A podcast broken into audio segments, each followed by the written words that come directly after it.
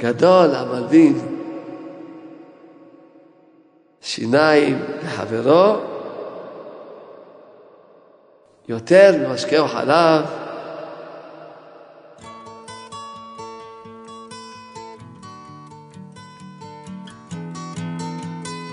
רבנו אדם הולך בחיוך על הפנים, חיי מתים. המשיב שלום מקיים מצוות דרך ארץ. המקדים שלום מזריע שמש לחברו.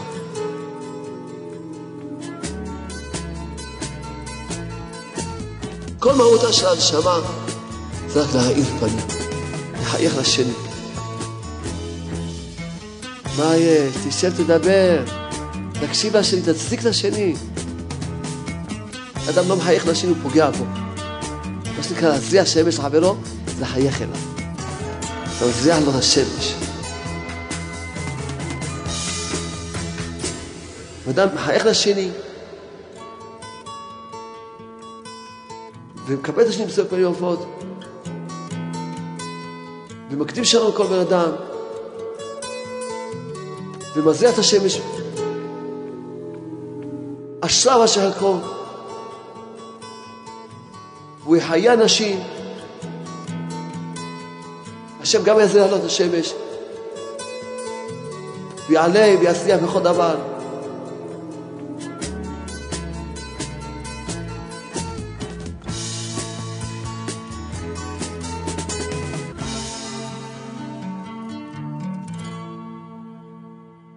אפשר לחייך? סייעתא צבאיה.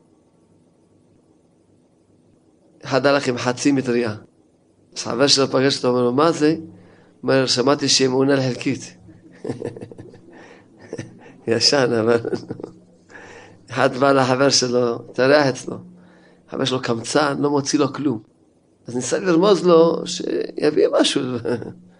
אז לא רוצה להגיד לו, תביא משהו לאכול. אולי נברך על משהו?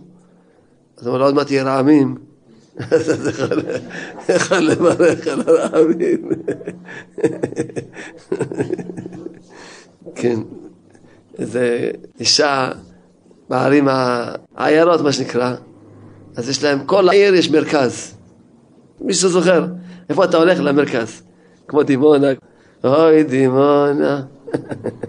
אז האישה המבוגרת הייתה עם חברה שלה במרכז. אז אמרה לה, בואי בואי נחזור מהר. אמרה, למה? הודיעו ברדיו שבמרכז ירד גשם. חשבה מרכז של דימונה, חשבה. טוב, עוד נראה, אולי זה יצליח. ישנות, אבל ננסה לחדש אותם. איזה ילד הביא הביתה תעודה. טוב, אבא קורא תלמוד, בלתי מספיק. אה, תנ"ך, בלתי מספיק. קיצור, כל התעודה בלתי מספיק. מגיע לזמרה, זמרה טוב מאוד. אז אבא נותן לו סטירה. לא, אבא, עד שהגעת לטוב מאוד, אתה נותן לי סטירה. הוא אומר, אחרי כל הבלתי מספיק האלה, עוד יש לך כוח לזמר? אבל זה הפוך מהשכל, אדרבה. רק אם הוא יזמר, בסוף יכול לצאת מהמצב שלו. טוב, כמובן שפרשת השבוע זה פרשה שייכת למשרד החיוך ולשר החיוך. קודם כל, תמיד אני משתדל להתפלל ולבקש מהשם שייתן לי כל שבוע עצות איך להגיד שיעורים של התחזקות. בפרט שהשבוע זה ההילולה של רב נתן מברסלב. רב נתן מברסלב אמר על כל כפית של התעוררות צריכים חבית של התחזקות. זה היחס. פי אלפים, כמה יש כפיות בתוך חבית? אלפים. פי אלפים. למה? כי רב נתן ידע שההצלחה של כל אחד תלוי בהתחזקות שלו. ופעם ישב רב נתן ומנה צדיקים, ואמר ככה, צדיק הזה הגיע למדרגה הזו והזו, כי היה לו כך וכך התחזקות. הצדיק הזה הגיע לדרגה יותר גבוהה, כי היה לו יותר התחזקות, וכולי ככה, הוא מנה. הדבר שבו תלוי שכל אחד יכול להגיע לדרגות עצומות, רק כפי מידת ההתחזקות. תחשבו על האבות, על האימהות, איזה ניסיונות קשים הם עברו, ניסיונות נוראים מאוד וארוכים מאוד. אם לא היה להם התחזקות לא היו מחזיקים מעמד. ההתעסקות זה פירושו שאדם מסתכל באופן שהוא מאמין שהמצב שלו, איפשהו, אפילו המצב שלו ירוד ולא הולך כמו שהוא רוצה, שהוא מאמין שזה לטובה והכל לטובה, הוא לא נופל מזה. שזה יתהפך לטובה, הוא מתחזק במצבים הכי גרועים. במצבים הכי שלא הולך לבן אדם, הוא מתחזק. הוא מתחזק, הוא לא נופל. כי תחשבו, הצדיקים, איזה ניסיונות שהם עברו, הקשים. יש צדיקים שעברו ניסיונות מאוד קשים וארוכים. אם לא היה להם התחזקות, איך היו מחזיקים מעמד? ואצלנו, שיש נפילות, והרבה נפילות, אז עוד יותר אנחנו צריכים את ההתחזקות. הרבה יותר. וזה רב נתן מברסלב, הוא אמר את היחס. כל כפית של התעוררות צריכים חבית של התחזקות. ולכן אני משתדל כל פעם, כל שיעור, מה יותר קל לי? יותר קל לי לקחת ספר לקוטי ללמוד איזה תורה, שיש בה הרבה התעוררות, והכי קל, זה מאוד קל. אפילו לא צריך להכין את השיעור אפילו. לא, אני צריך להכין את השיעור.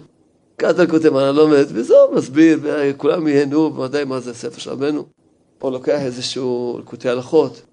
אבל כל הזמן מתפלל לשם, כל פעם, כל שבוע, שנמצא השבוע גם רעיון איך לדבר מהתחזקות ומשמחה, וכל זה, ובקושי אתה רואה אנשים מתחזקים. כמה הם שומעים שיעורים של התחזקות? ואתה רואה אנשים שבורים. בדיוק כשהוא שאל אותי מישהו השבוע, אמר לי, איך אני מגדיר את המצב של העולם? מה לפי דעתי? אמרתי לו, רוב העולם חולים במחלה של הרדיפה העצמית. והם לא מרוצים מעצמם, לא שמחים בחלקם. תראה, זה עיקר הבעיה. אז שאל אותי, מה לפי דעתי הגורם? אמרתי, תראה, כיוון שכולם יש להם רצונות גדולים מאוד, עצומים מאוד, אבל הרצונות, כמו שאדם עכשיו נמצא רק בתחילת הדרך, והוא רוצה ישר להגיע לסוף הדרך. ישר. אז כמובן, זה בסדר, הרצון הוא טוב שאתה רוצה להגיע לסוף הדרך. אבל אתה צריך לדעת איפה אתה אוחז, ומה הצעד הבא, ולשמוח בצעד הבא. אבל הבן אדם לא, הוא רוצה ישר את הרצון בשלמותו. רוצה את הרצון בשלמותו.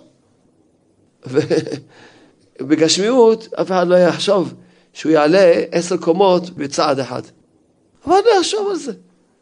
כל מבין שהוא בסדר, קשה אמנם, יעלה, ינוח באמצע עשר קומות, מטייפים, יעשה סיבוב, יעשה זה, הוא מבין. אבל ברוחניות, עובדה, עובדה שיום יום אני פוגש אברכים שבורים, בחורים שבאים, הרב תחזק אותי, הרב תחזק אותי. ולכאורה אתה מסתכל, מה יש לחזק אותו? ברוך השם, אני אומר לו, מה, מה, אני לא מבין, מה יש לחזק אותך? אתה קודם לא קם, מתפלל, לומד כך וכך שעות, עושה שעה התבודדות, מה יש לחזק אותך? אז צריך לחזק אותו, שהוא יאמין שהוא מתקדם. שישמח בהתקדמות שלו, אפילו לפעמים לא רואה את ההתקדמות, כי זה דרכו של היצר על ה... אז לחזק אותו. לכאורה, מה יש לחזק אותו? בוא נחשוב ביחד, מה יש לחזק בן אדם כזה? משתדל להתפלל שלוש תפילות, משתדל ללמוד, משתדל לחיות בקדושה, עושה שעה התבודדות כל יום. מה יש לחזק אותו? עושה את התפקיד שלו, יופי. אה, צריך לחזק אותו, ובאמת גם ההתחזקות היא גם הדרך של ההתבודדות הנכונה. כיוון שכשאין לו התחזקות, אז ההתבודדות שלו ודאי שהיא לא נכונה, בגלל זה גם הוא לא רואה תוצאות. כי ודאי כנראה שהוא מתפלל על הדרגה העשירית ישר. אם היה יודע להתפלל על הדרגה הבאה הקרובה אליו, והיה שמח בזה, היה משיג אותה, אז היה באמת רואה התקדמות. הוא בטח שואף להשיג את הכל בבת אחת. אבל אם היה יודע, אני אתפלל על דבר, אני אתפלל עליו בטח כמה זמן עד שאני אקבל אותו, מראש הוא יודע את זה, אז הוא לא נשבר. הוא יודע, התפללתי, אבל בטח לא קיבלתי, אני יודע שאני צריך לטפל על זה בטח כמה זמן, הוא יודע מראש. הוא מסתכל על הדרך בצורה נכונה. בגשמיות כל אחד יכול להבין את זה. שאף אחד לא יחשוב, אני אעלה ישר לקומה עשירית. כל אחד מבין את זה. אבל ברוחניות, עובדה. כל העולם נמצא במחלה הזאת. שהם, יש להם רצונות גדולים מאוד, אז זה טוב שיש רצונות גדולים מאוד. אבל הדרך להגיע לרצון הזה היא כבר מעוותת. רוצים את הרצון עכשיו, הרגע בתחת, כמו שבדיוק כשיום חמישי איזה יהודי, שדיברתי על שמחה, אז איזה יהודי ניגש אליי, אמר לי, איך אני אהיה בשמחה? אני שבור, אני מדוכא, לא הולך לי, אני עושה עבירות עדיין. איפה אני רחוק מהתיקון שלי וכולי, כמו שכל אחד אמיתי יגיד אותו דבר, שהוא שבור ככה. אז אמרתי לו, תגיד לי, אם נניח שעכשיו אנחנו עובדים וכל יום מקבלים אלף דולר בעבודה, כן? ואז יוצא שאחרי אלף יום יהיה לנו מיליון דולר. נכון? חשבון פשוט, אלף כפול אלף מיליון דולר. עכשיו אם מישהו יגיד, אני שבור, למה? כי אין לי את המיליון דולר. אז תגיד לו, מה זה? מה קורה איתך?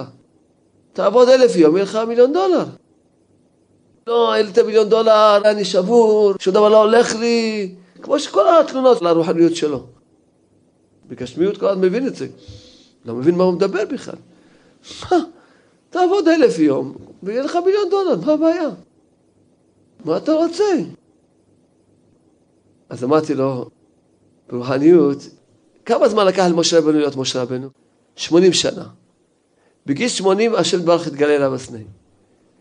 אז כל אחד רוצה להיות משה רבנו, יותר מהר ממשה רבנו. משה רבנו לקח לו 80 שנה להיות משה רבנו. 80 שנה לקח לו להיות משה רבנו. ולא סתם 80 שנה, עבודה, יש 60 שנה רצוף שהוא עבד עבודה קשה מאוד. מגיל 20 שברח מצרים עד גיל 80, התבודד יומם ולילה. בחיות, התבודדיות. 60 שנה עבודה, ממש עבודה. אז משה רבנו לקח לו 80 שנה עבודה להיות משה רבנו. אז מה אתה רוצה להיות משה רבנו יותר מהר ממשה רבנו? אתה עצוב, למה אתה עוד לא משה רבנו? רבי עקיבא לקח לו 24 שנה להיות רבי עקיבא. והגמרא מעידה עליו שהוא בכה נהרות של דמעות. אז רבי עקיבא לקח לו 24 שנה. אתה רוצה להיות רבי עקיבא יותר מהר מרבי עקיבא? כמה זמן אתה עובד? אמרתי לו, אותו בחור. בקושי אני מכיר אותך איזה שנה, שנה וחצי. אז מה אתה שבור? תגיד לי מה אתה שבור. אתה רוצה שההתבודדות כן, אתה לומד כן. תגיד לי מה אתה רוצה? אז סימן שההסתכלות שלך היא לא נכונה, אין לך התחזקות. זה כל זה נקרא שכל של התחזקות. שאדם יודע, אני רוצה להגיע, אבל אני, ברוך השם, מתחזק, וגם יש דיבור של רב נתן בברסלב, שהוא כולל את כל עבודת השם של הבן אדם. דיבור קטנצ'יק, שכולל את כל עבודת השם של הבן אדם. יש בו את כל ההתחזקות ואת כל ההסברים לכל המצבים שבחיים של הבן אדם. דיבור קטן שיש בו הכל. מה הדיבור? שרב נתן אמר, איפה שאני רואה חיסרון, או שלא יתפללו בכלל על הדבר הזה, או שיתפללו מעט. אם אדם היה מאמין בדיבור הזה, היה פותר לעצמו את כל השאלות שיש לו בחיים. ודאי לא היה נשבר. היצר הבא אומר לו, שמע, אתה לא... הוא אומר, עוד לא התפללתי. או שהתפללתי מעט בכלל. אז מה אני רוצה לקבל בלי להתפלל? כמו שאותו אחד אמרנו לו, אתה רוצה לקבל את המיליון דולר בלי לעבוד אלף ימים? תעבוד אלף ימים, תקבל אלף דולר, מיליון דולר. אז מה אתה רוצה לקבל בלי לעבוד? חז"ל אמרו, מצאת ולא יגעת, אל תאמין. אבל יגעת מצאת, תאמין. כל זה שכל של התחזקות. שכל של התחזקות, שאדם, הוא לא מוותר על הרצונות הגדולים שלו, לא. הוא רוצה רצונות גדולים מאוד, אבל יש לו התחזקות, איך להגיע לזה. שאני צריך להתפלל הרבה על זה. אין דבר כזה, התפללתי היום, התקדמתי, אפילו שאני לא רואה. אדם צריך להיות לו התחזקות, שוודאי דברי התורה אמת, שאין שום תפילה הולכת לאיבוד, שום רצון לא הולך לאיבוד. התפללתי היום, בוודאי התקדמתי היום, עשיתי היום את שלי, כי התפללתי בצורה נכונה, ביקשתי מהשם את הדרגה הבאה שאני עובד עליה עכשיו, תקופה. בסדר, אז אפילו שאני לא רואה את זה, בסדר, אני ממשיך להתפלל, התפללתי, התקדמתי, כמו שאמרנו, כל יום שאתה תעבוד, התקדמת לקראת המיליון דולר. אז אפילו שאדם רואה, מה, עכשיו אני צריך לעבוד אלף ימים עד שנראה את המיליון דולר, בסדר. אבל אם יש לו שכל, יודע, נו, התקדמתי. נניח שרק בסוף האלף ימים מקבלים את המיליון דולר, עד אז לא מקבלים כלום. נניח, זה המשל למעשה. שאתה תעבוד, אמנם מגיע לך אלף דולר כל יום, אבל אתה לא מקבל כלום. רק כשתעבוד כל אלף ימים, תקבל את המיליון דולר. זה למעשה המשל. אז בסדר, אז אדם יודע, מה, התקדמתי. עברתי עוד יום, יש לי עוד אלף דולר, אמנם טוב, לא קיבלתי, אני אקבל את הכל בת אחת. אז אותו דבר, התפללתי על דבר מסוים, עוד יום ועוד יום, אני התקדמתי, כי התפללתי על זה. זה לא ילך לאיבוד, זה מצטרף לעוד תפילה ועוד תפילה, ואני אקבל את זה. יש לו התחזקות. אני עובד נכון, אני לא מתבלבל. אם השאיפות שלו הן שאיפות נכונות, ובדרגה נכונה, ובדרך נכונה, זה מה שהמשנה אומרת, אחד מה-48 דברים שהתורה נקראת בהם, זה מכיר את מקומו. ועוד אחד השמח בחלקו. שזה למעשה שני הדברים הכי קשים. שני הדברים הכי קשים בקניין התורה זה השמח בחלקו והמכיר את מקומו. שזה למעשה שני הדברים, אחד משלים את השני. כי כשמכיר את מקומו אז הוא שמח בחלקו. אבל לפעמים אדם מכיר את מקומו והוא לא שמח בחלקו. לכן המשנה אומרת שזה שני דברים. אתה צריך להכיר את מקומך ולשמוח בחלקך ולדעת עכשיו איך להתקדם לפי הדרגה הבאה ולא לחפש דמיונות. וזה, כמו שאמרתי, אני משתדל לחפש עוד סיבה למסיבה, עוד סיבה לדבר בהתחזקות ושמחה והארת פנים. פרשת השבוע, פרשה של שר החיוך. הפרשה של השבוע זה הפרשה שבו יש את ההצהרה של קיום משרד החיוך. התורה אומרת בפרשה הזאת, חכלילי העיניים מיין ולבן שניים מחלב. אמר רבי יוחנן, גדול המלבין שיניים לחברו יותר ממשקהו חלב, שנאמר, ולבן שיניים חלב, אל תקראו לבן, שיניים אלא וליבן שיניים, זה גמרא בכתובות, דף ק"א, עמוד שני, זה פסוק של משרד החינוך, לחייך כל אחד. לחייך לשני, רבנו אומר שזה מחיי מתים. אומר רבנו, אדם הולך עם חיוך על הפנים, הוא מחיי מתים. ממש מחיי מתים. יכול להיות בן אדם הולך עם כזה מרה שחורה, שבול לגמרי, כמעט בשערי מוות מרוב ייאוש ועצבות. ובא אליו אחד מחייך, והוא גורם לשני גם לחייך, וזה מחיה אותו. כי החיוך זה דבר שמשפיע על הפנימיות של הבן אדם. חיוך, אמנם זה פעולה חיצונית, אבל זה משפיע על הפנימיות של הבן אדם. הוא רואה את זה, שמחייך, נפתח לו הלב, הוא רואה את זה. אבל לא מחייך כזה, חיוך, בקושי רואים אותו. חיוך, חיוך. אז הלב, נפתח לו. הלב נפתח, נכון? כן. באותו עניין, אני לומד היום ספר שקוראים לו לקח טוב. אז הוא מביא פה מאמרים על העניין הזה, מאוד נפלאים. התפללתי לשם שרוצה להכניס שיעור על התחזקות ושמחה. פתחתי, ממש ישר יצא לי. הנה מצאתי מאמרים, אז הנה, אמרתי, תראה, הנה שם תפילתי. יש לי מה להגיד היום שיעור על העניין של שמחה והתחזקות. עוד שיעור, עוד חיזוק בעניין הזה. ללכת עם, שמחה ולשמח את כל אחד ולחזק את עצמו. אז הוא אומר, בעבוד רבי נתן, והווה מכבד כל אדם וסבר פנים יפות. כיצד?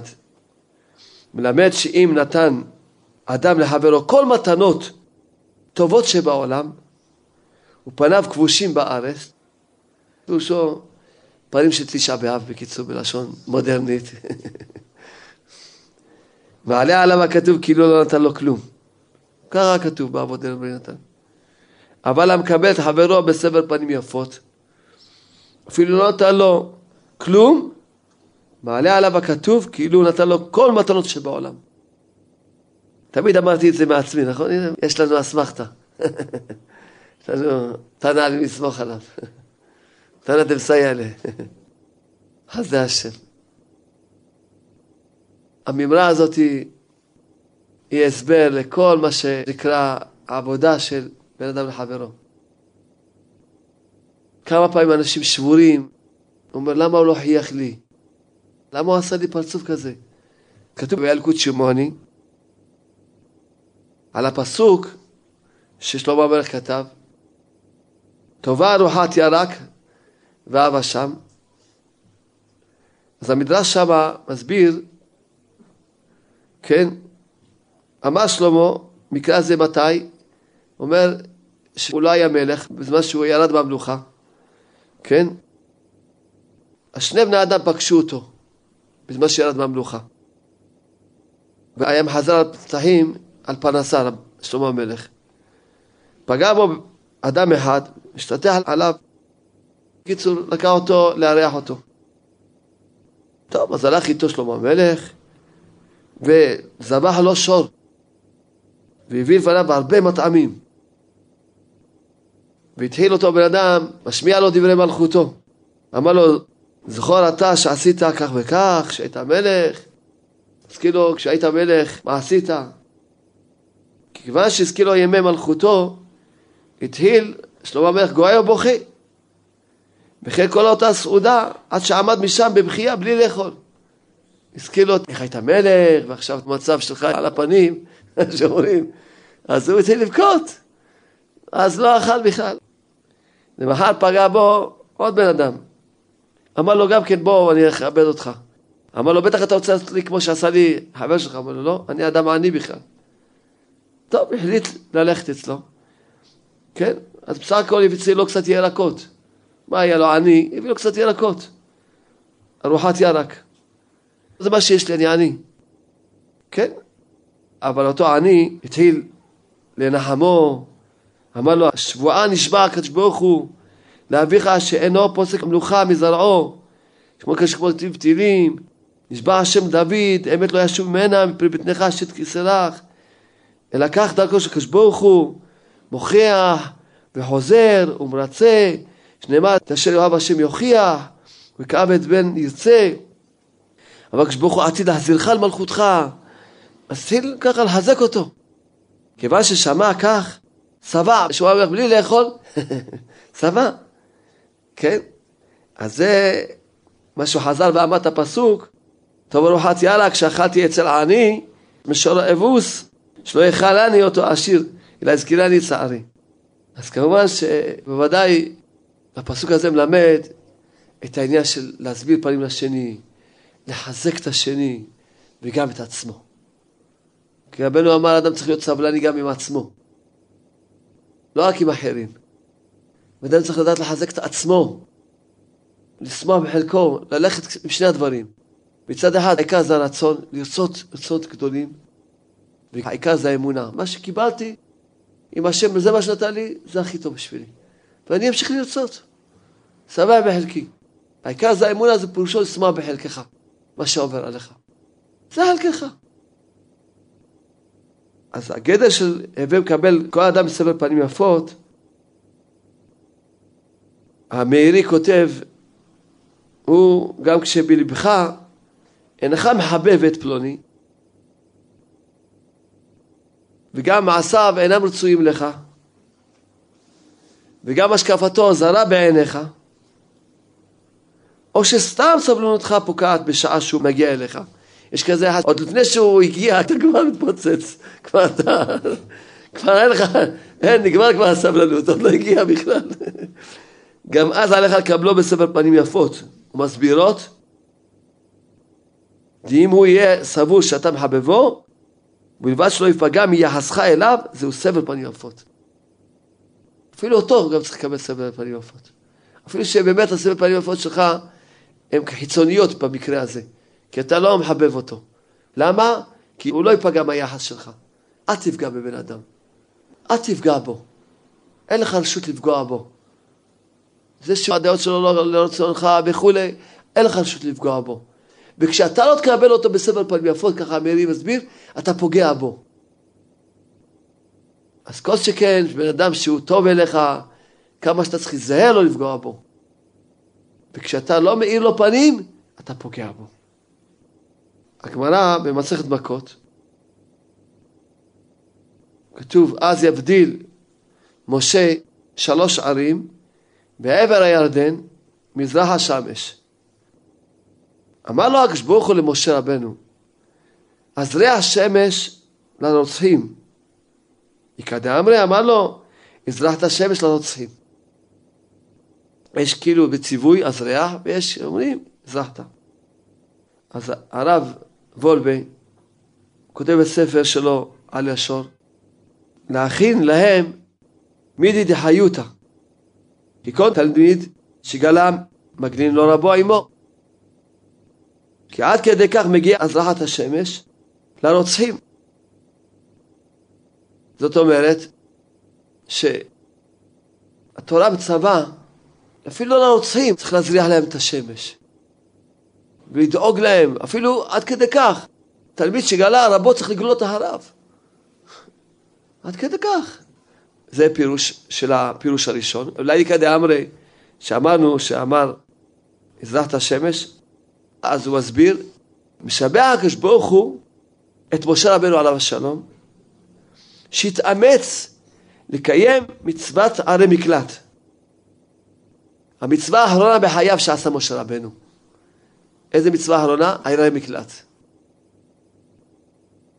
לא מצא אבי הנביאים מצווה יותר חשובה להתעסק בה, סמוך למיטתו, אלא זו, להזריע שמש לקשיי יום אומללים.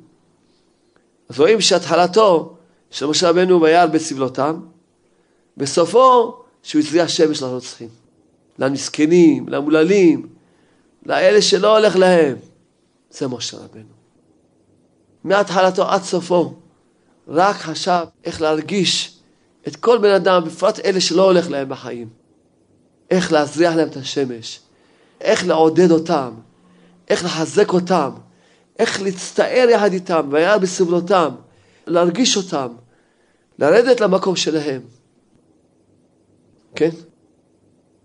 וזהו היסוד לכל המצוות ולכל יחסנו בין אדם לחברו.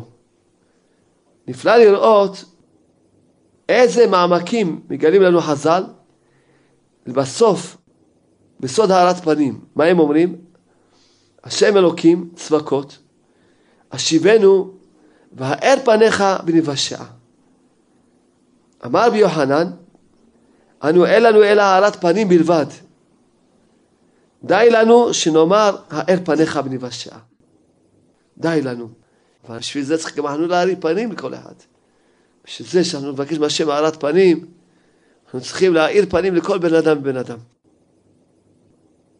והנה רבי יוחנן, אזיל לשיטתה, הולך לפי הדרך שלו. דאמר רבי יוחנן, שלמדנו את הגמרא הזאת, גדול המלבים שיניים לחברו, יותר משקיעו חלב. כמה שלמדנו עכשיו, את הגמרא בכתובות.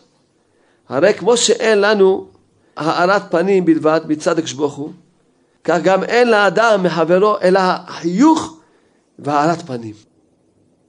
רבי יוחנן מה אמר? אמר רבי יוחנן, אין לנו אלא הארת פנים בלבד הוא. ואותו רבי יוחנן גם הוא דרש לגבי האחד לחברו.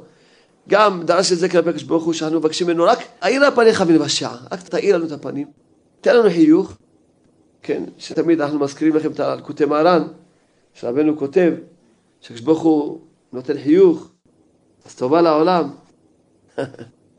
אומר רבנו בתורה קע"ב, וכשהשם ברח מראה פנים שוחקות, נותן לנו חיוך, חיים וטובה לעולם. ולהפך, אם הקדוש ברוך הוא חס ושלום יעשה איזה פרצוף, להפך חס ושלום. מסוכן, הקדוש ברוך הוא יעשה פרצוף, מסוכן. וכן הצדיק, כשמראה פנים צוחקות, הוא טוב, וכן להפך. וזה מה שכתוב, ראה נתתי לפניכם, היו את החיים, את הטוב, את המוות, את הרע, ואחת בחיים היינו לפנים שלכם, הכל, לפי הפנים שלכם. לכן, השם ברוך נותן חיוך, מראה פנים צוחקות, זה טובה לעולם, זה מה שרבי יוחנן אמר, אנחנו מבקשים מהשם רק הארת פנים, רק שייתן לנו חיוך, רק שיהיה לנו פנים.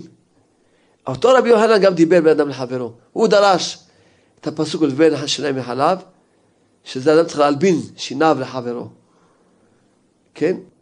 אז הוא מסכם שהרי כמו שאין לנו אלא הארת פנים בלבד מצד הקדוש ברוך הוא, כך גם אין לאדם חברו אלא הארת פנים. החיוך והארת הפנים זה מה שיש לאדם מחברו. כשאתה מקבל אותו, מחייך אליו, אז כאילו נתת לו, איך אמר רבי אבות דרבי נתן, כאילו נתת לו כל המטרות שבעולם. כתוב באבות, רבי מתיה בן חרש, אומר, הווה מקדים שלום לכל אדם. המשיב שלום, מקיים מצוות דרך ארץ. המקדים שלום מזריע שמש לחברו. מה שנקרא להזריע שמש לחברו זה לחייך אליו. אתה מזריח לו את השמש. לתת לו הארת פנים, לחייך אליו, זה נקרא להזריע את השמש לחברו. מי שעונה שלום זה דרך ארץ, כי אמר לך שלום, דרך ארץ לו שלום. אבל מי שמקדים שלום, בא מישהו, אתה רואה אותו, יואו, שלום, ראיתי אותך, מה שלומך? אתה אומר לו, באמת, מאיר לו פנים, געגעתי לך, השתבח שמו. אתה יודע מה זה? אתה מאיר לו את השמש. מזריע לו את השמש, חבר. וזהו דעת התורה, ורצונה שנדע שכל אדם מצפה להזרחת שמש. מעת זולתו, ואני עצמי הנני שמש הזורחת לכל מי שבא במגע איתי. אפילו תינוק פעוט, תינוק, עוד לא יודע לדבר, ממש תינוק, מבחין בין פנים מחייכות ושוחקות לבין פנים חשוכות. אתה רואה שאתה מסתכל על הפנים מחייכות, הוא מחייך אליך. אתה מסתכל על הפנים מפחידות, אפילו הוא בוכה. תינוק. תינוק כבר מבחין בין פנים לפנים. תינוק. הוא כבר רוצה את הזרחת השמש. מאז שהוא נולד, רוצה שיזרחו לו את השמש. שייתנו לו חיוך. ייתנו לו חיוך. חייכו לו. כן, אם מביטים עליו בזף, הוא בוכה. כן? אז מי יודע מה מבריא ומפתח יותר את הילד? המזון, המושג או הארת הפנים שהמאירים לו? ככה הוא שואל. וברור וידוע הוא כי ילד הגדל בלי כל הארת פנים דומה בדיוק לצמח הגדל בלי שמש. שאי אפשר שיהיה בריא. בריא בנפשו כמובן. יכול להיות בגופו גם כן זה משפיע עליו. רבנו אומר שכל המחלות באים מקלקול השמחה. ראיתי מאמרים, מחקרים של רופאים, הראו לי את זה בעיתון, אמרו לי בוא תראה, תמיד אדם מדבר על שמחה, שעשו מחקרים, ויש אפילו עכשיו רופאים שמרפאים על ידי צחוק, שמצחיקים אנשים. כן, כן, עכשיו יש uh, כזה מין חיוך. אמרתי, טוב, נו, רבנו כבר כתב את זה, כותב מעלה, 200 שנה כתב את זה.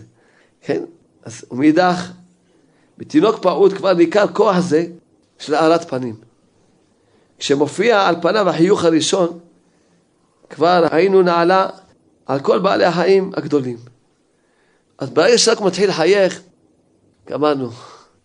כבר הוא, וגם התינוק, שילד מחייך, תינוק מחייך, איזה שמחה זה מביא לכל אחד שמסתכל עליו, זה חיוך, כן? כי בחיוך זה בוקעת הארת פני הנשמה, ממחבואיה בעמקי הגוף הקטן והחלש הזה. כל אשר התינוק גדל ומבריא יותר ומאיר פנים לכל סביבתו, משרה בה רוח חן ושמחת חיים. זוהי המציאות הנשמה המתגלה בזערה הראשונים, אשר כל מהותה כוח אדיר של הארת פנים. אז כל מהותה של הנשמה זה רק להאיר פנים, לחייך לשני, רק להזריח את השמש לכל אחד ואחד. השני כוחות אלה הם היסוד לחיי החברה האנושית. האחד, רעבון כל אדם להארת פני הזולת, כל אחד רעב וצמא להארת פני הזולת, והשני, כוח הנתינה של הארת פנים השתול בלב כל בעל נשמה. שכל אחד יש לו כוח הנתינה לתת. וכן הוא ביחסים הדדיים בין המעמדות, כיתות, מדינות וגושים וכו'. מתבונן קצת ביחס לבני אדם, איך לפעמים חיים איש בצד חברו, מבלי למצוא דרך ושפה זה אל זה. וכיצד חיים במרירות ורוגז בגלל אי הבנתם ההדדית. בחיוך אחד פותר את כל הבעיות האלה. חיוך אחד יותר טוב מאלף תירוצים ודיבורים. אדם יכול לבוא, להגיד, אני אוהב אותך, אני אוהב אותך, מיליון דיבורים, כל מיני דיבורים, אבל עם פרצוף כמובן, תשעה באב.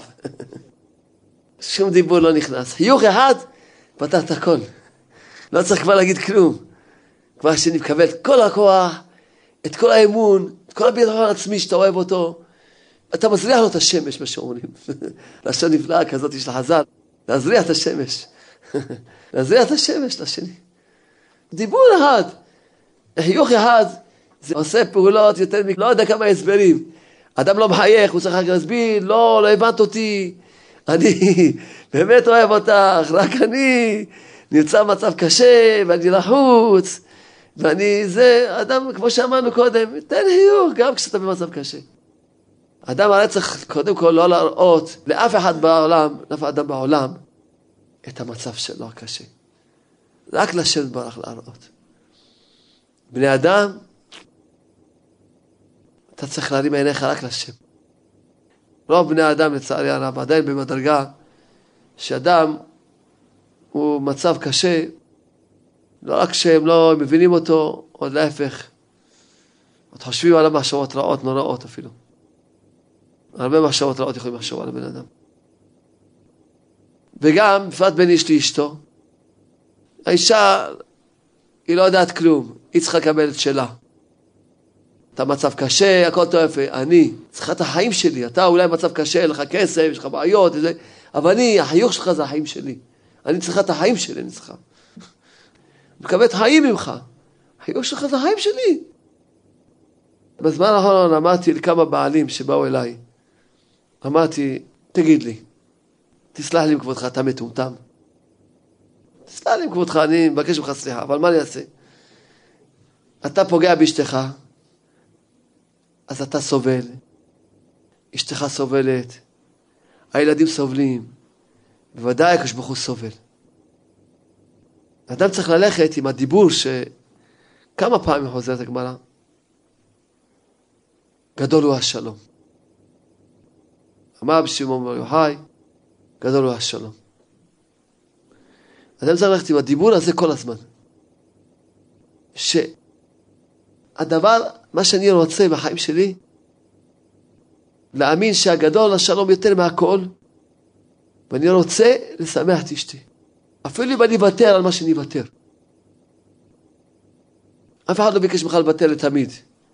בינתיים תוותר, תשאיר את השלום, תתפלל.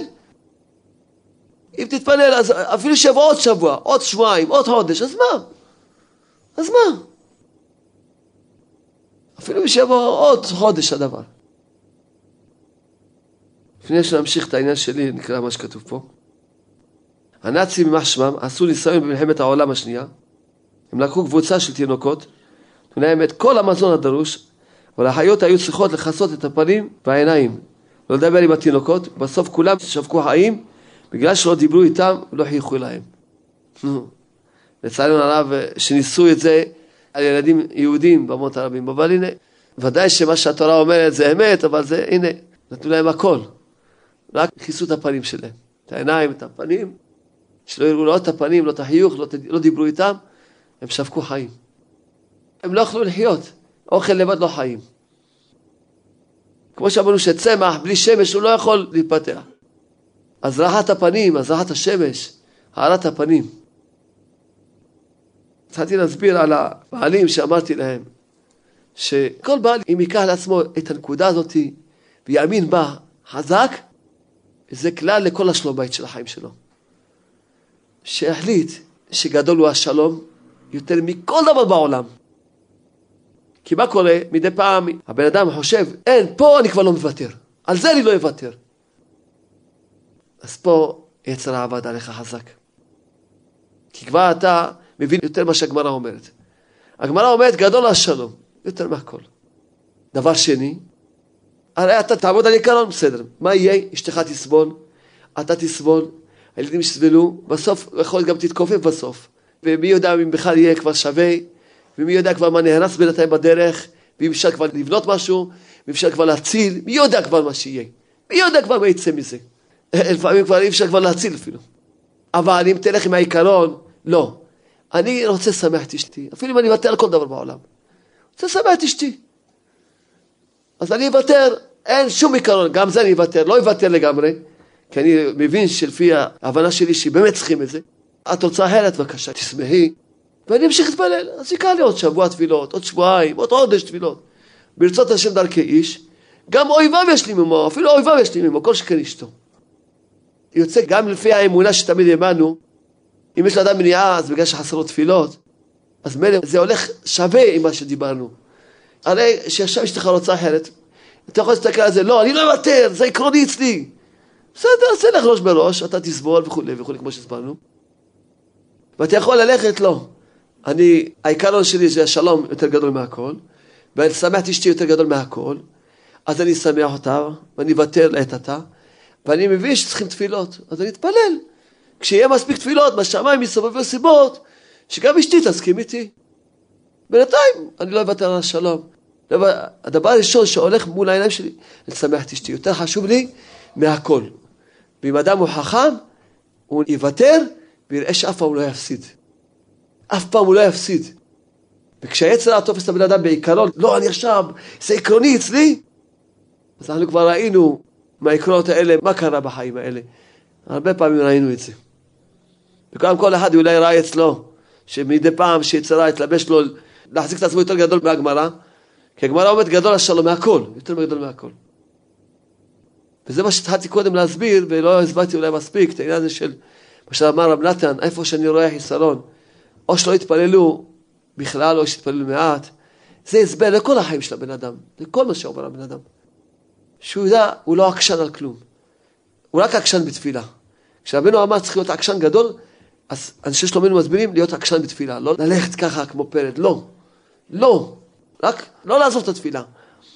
לחכות, להמתין, יותר אומרים לו להמתין, אבל הוא עקשן בתפילה. הוא ממתין, אבל הוא מתפלל עד שיכניסו אותו. עד שיפתחו לו וייכנס. הוא עקשן בתפילה. להיות עקשן בתפילה. אבל לא להיות עקשן חס ושלום, ללכת נגד אנשים, לא. לא להיות עקשן ככה. להיות עקשן רק בתפילה, להתפלל, לא לעזוב את התפילה עד שבשמיים ירחמו וייתנו לך את הדבר בתפילה, בנועם, ברחמים.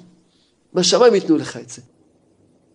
שמעתי משם רבי ומורי כמה פעמים, רבי אליעזר ברלנד שיחיה, שהוא אמר בשם ארי זצ"ל, שכל דבר שאתה מקבל בלי תפילה, הוא יצטער עליו. הוא עוד יצטער עליו, כי זה יזיק לו. כל דבר שאתה מקבל בלי תפילה, זה יזיק לך.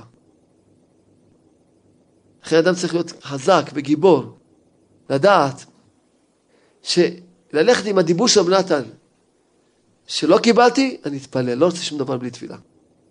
לא רוצה שום דבר בלי תפילה. אז אם אדם הולך עם השכל הזה, שייך שיהיה עצוב, לא שייך אף פעם שיהיה עצוב.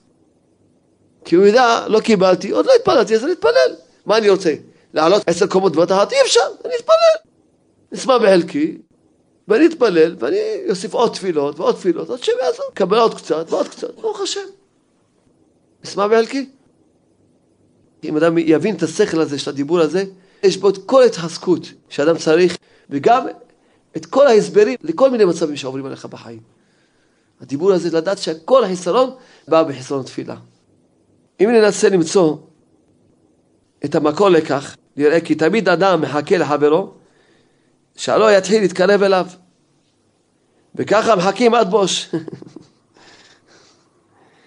כן, אנשים עובדים, יושבים אחד ליד השני, ואחד לא מדבר עם השני. תאמין לי, רק חיוך אחד היה פותר את כל הבעיות. בלי לדבר אפילו. חיוך ככה, להזריע לו את השמש. כן. הרב מצפה לתלמידו שיתקרב אליו, ויציע לו ספקותיו ובעיותיו. ואילו התלמיד מחכה לרבו שיפתח לו פתח ויקרב אותו. או רב בעירו רוצה שהדתו תשתף אותו בכל פעולתיה. תשאל לעצתו ותעשו למשמעתו. ואילו העדה ממתינה ליוזמת הרב, שירד לתוך בעיותיה ויהיה מעורב בחייה. כל אחד מחכה לשני. והוא חושב, לא, הם לא בסדר, הם לא משתפים אותי. והם חושבים, מה זה, הרב בכלל לא מציינים מה קורה איתנו, מה חסר לנו. ככה גם בן זוג, אפשר לציין את זה, בואו נראה. ככה יכולים לחיות שנים על גבי שנים, בלי להתקרב זה לזה. לפעמים הבעל, הוא חושב כך וכך, והאישה חושבת כך וכך. אבל החיוך היה פותר את כל החיוך. היה פותר את כל הבעיות, החיוך. בלי דיבורים. רק חיוך ככה, מלב אל לב, החיוך. כן, אז זה חיוך, זה אדם צריך לדעת. אז הוא חושב ככה, היא חושבת ככה, וככה אבא לבן לפעמים. האבא חושב, הבן בכלל לא משתף אותי. הוא לא בא לשאול אותי. והבן, מסכן, הוא לא חושב ככה, הוא חושב, אבא בכלל לא מתעניין בי. והם יושבים, לא מדברים, וכל אחד אפילו מפתח דמיונות ומחשבות, ולאט לאט החומה הולכת וגודלת, גובהת, גם מתעבה וגם גובהת, לרע ולאורך, וזהו זה.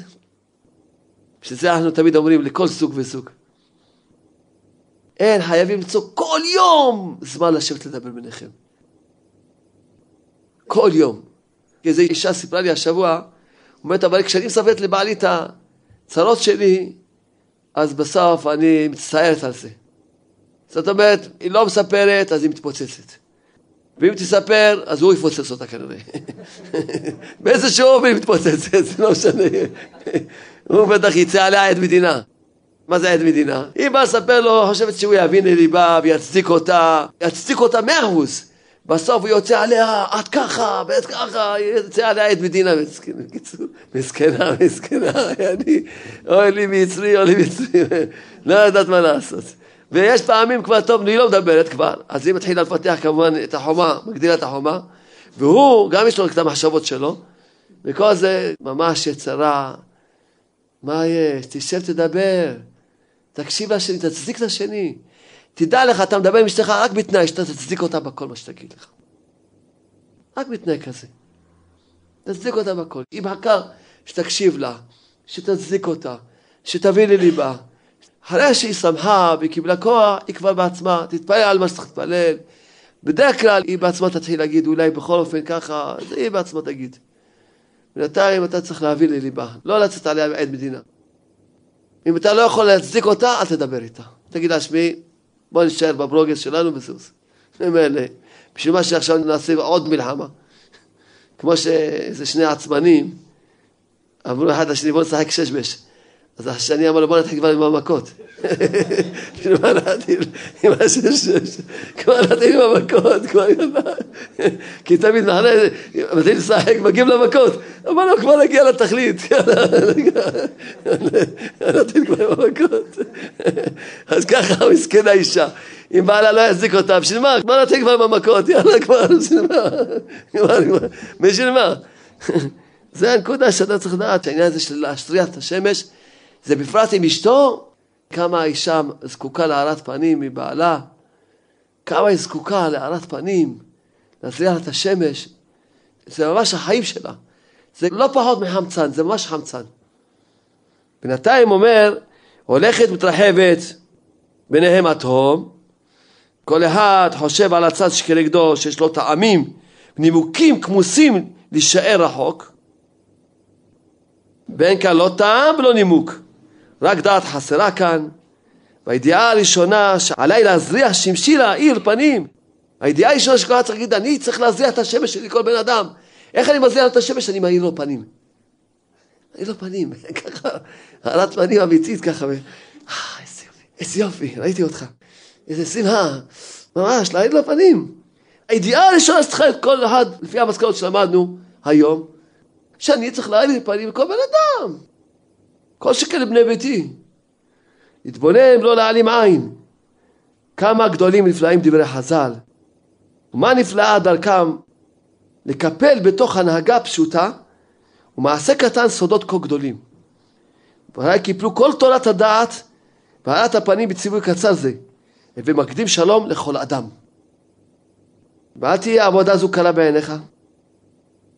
בספר תורת אברהם מסופר על, על הקדוש רבי אברהם גרונזקי, זכר צדיק לברכה, תלמידו המובהק וממלא מקומו של הסבא קדישא סלבודקה, זצ"ל.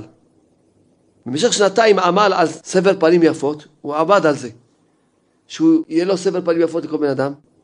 קוראיו בכל תקופות יודעים לספר עד כמה נהייתה מידה זו קניין בנפשו. הוא עבד על זה שנתיים, שהוא יזכה להאיר פנים לכל בן אדם. בימים הקודרים ביותר בשנת הגטו לא משה צהלתו מעל פניו, שאבלו מוסתר היטב בליבו. הוא לא רימה את עצמו, היה לו בתוך ליבו אבל, עם ישראל, נשחטים, תאי הגזים, הוא יהודי צדיק, יהודי שמרגיש את הצער של עם ישראל.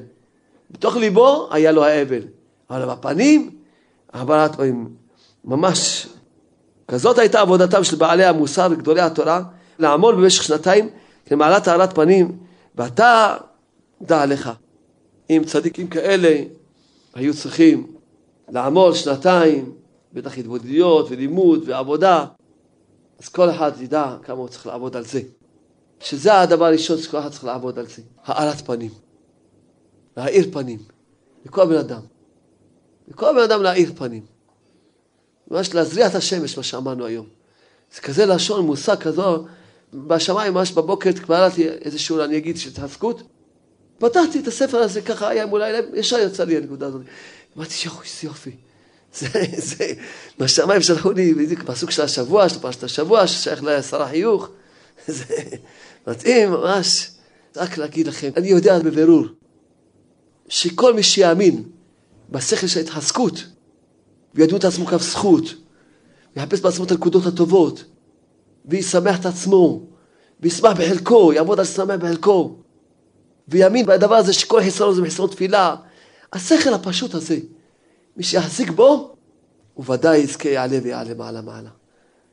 אבל מי שילך כל הזמן רק בדרך שהוא רק לא מרוצה, הוא לא מרוצה אף פעם, לא מרוצה מעצמו, מהחיים שלו, מהתשובה שלו וכולי וכולי.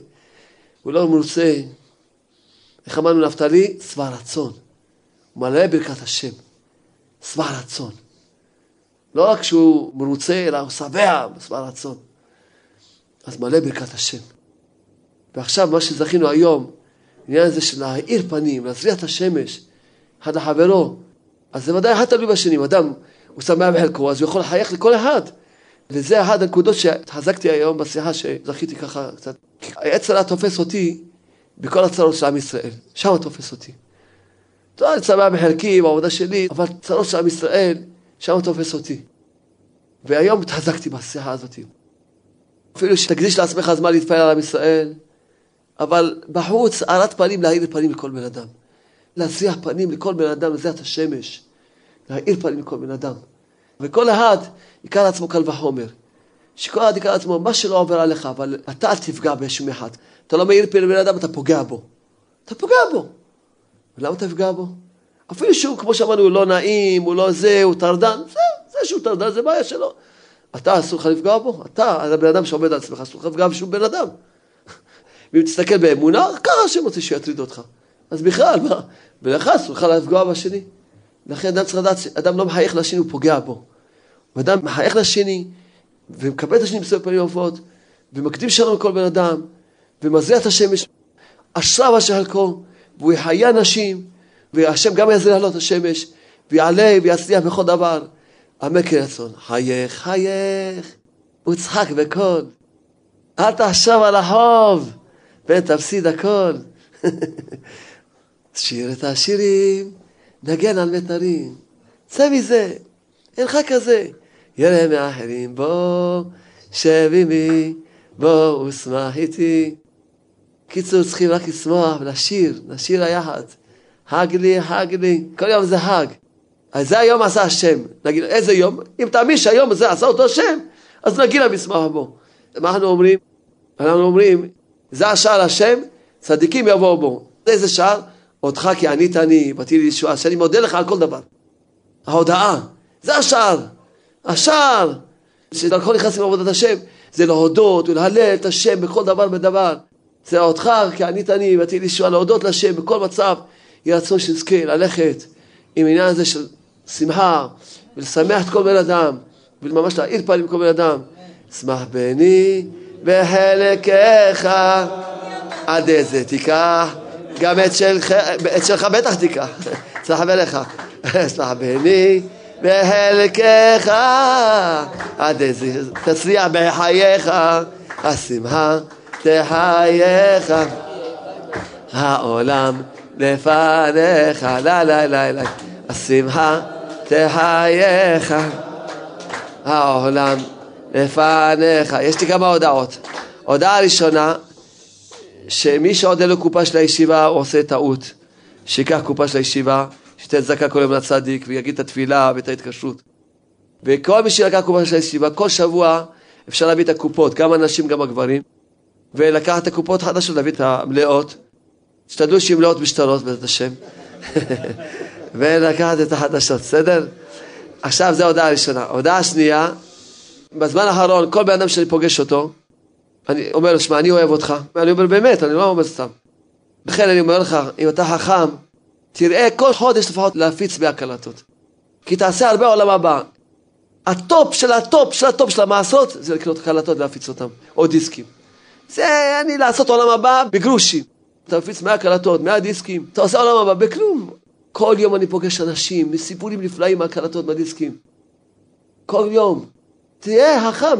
תשקיע, אתה קונה 100 קלטות או 100 דיסקים, ואתה עושה כל חודש הרבה עולם הבא.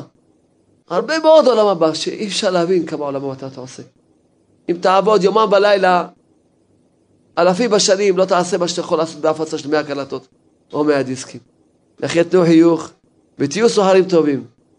ויהיה רצון שנזכה שכל עם ישראל נאיר פנים אחד לשני, והשם יאיר פניו אלינו, ונזכה לגאולה שלמה במהרה אמן ואמן.